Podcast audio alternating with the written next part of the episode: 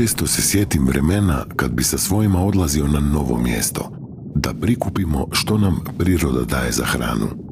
Bio je to naš ritual kojem smo se veselili cijeli tjedan i nije nas bilo briga što smo obični i što se nekad osjećamo ko da kopamo po mulju.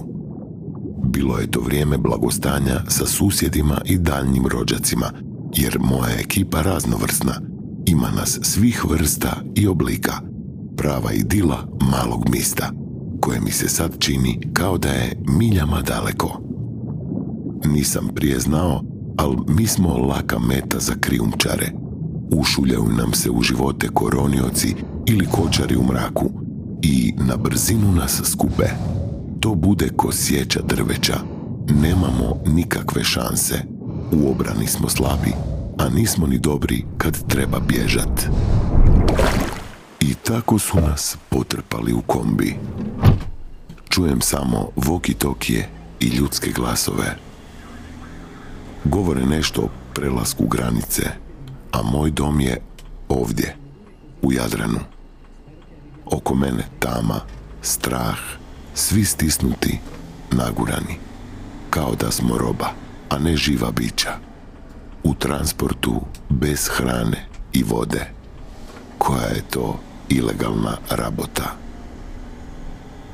U meni se sve stislo od straha i onda nas tako strpane odvezli pored svih prometnih kontrola do neke luke. Mislim da je bila Splitska. Poredali nas ispred kontejnerske hladnjače, a ja sve trpim ko pokisli krastavac. I onda je uslijedio užas. Jer su me tad odvojili od obitelji. Kasnije sam doznao da su nas odvojili u više skladišta. Neki su završili u Italiji, a svoje više nisam vidio. Mene su prošvercali sve do Grčke i dalje u Tursku. Strah i neizvjesnost pratili su me cijelim putem. Nisam znao kamo idemo i što će biti s nama samo da ponovno vidim svoje najbliže. Tko zna jesu li živi? Zašto se ovo nama događa? Nikom nismo ništa skrivili.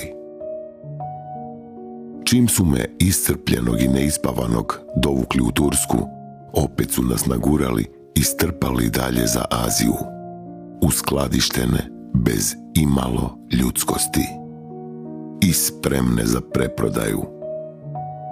Ni sam ne znam kako sam to sve pretrpio. Očito posao cvijeta tim barabama. Tijekom transporta slušao sam što krijumčari govore i shvatio o čemu je riječ. Mi se trpovi smatramo delikatesom i lijekom u Aziji, pa nas vade iz mora i tamo prodaju a to se ne smije. Nitko nas ne bi uopće smio dirat, ali dobra je zarada, pa to rade izvan zakona. Kako sam pretrpio tu patnju, ne znam. Bez obitelji i rodbine, bez prijatelja, hrane i utjehe. Jednostavno sam se pomirio s time da ne mogu ništa barem ne sam, bez ičije pomoći. I sad se pitam na svoj posljednji dan, pa koliko vrijedi moj život? I tko sve na mojoj patnji profitira? Jel vrijedim na kile, sušen ili svjež? Otkako smo postali ugrožena vrsta, naša je cijena vrtoglavo porasla, a sve što sam do sad ispričao samo je vrh sante, jer najgore je od svega što svi znaju i svi šute.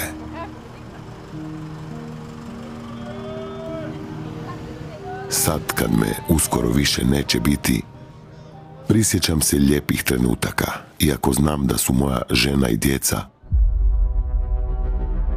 osušeni i spakirani u ukrasne kutije kako bi postali pokloni u posebnim prilikama.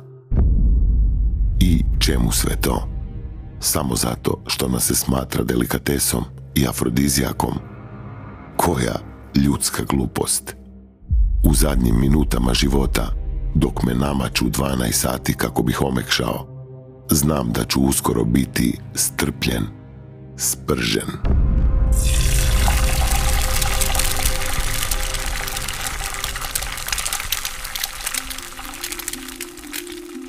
zbog nekontroliranog izlovljavanja i ugrožavanja populacije.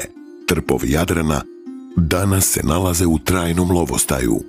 Izuzetno su važni za funkcioniranje ekološkog sustava morskog dna, jer ga prozračuju, a probavljanjem organskog dijela sedimenta održavaju prirodnu ravnotežu u morskoj sredini. Unatoč tome, trpovi poznati kao morski krastavci često se nezakonito vade iz Jadrana i nezakonito prodaju jer se u Aziji smatraju delikatesom, lijekom i afrodizijakom. Njihov nestanak značio bi ogromnu štetu za more i morske organizme. Zaustavimo zločine protiv divljih vrsta. WWF, Svjetska organizacija za zaštitu prirode, radi na suzbijanju ovakvih zločina.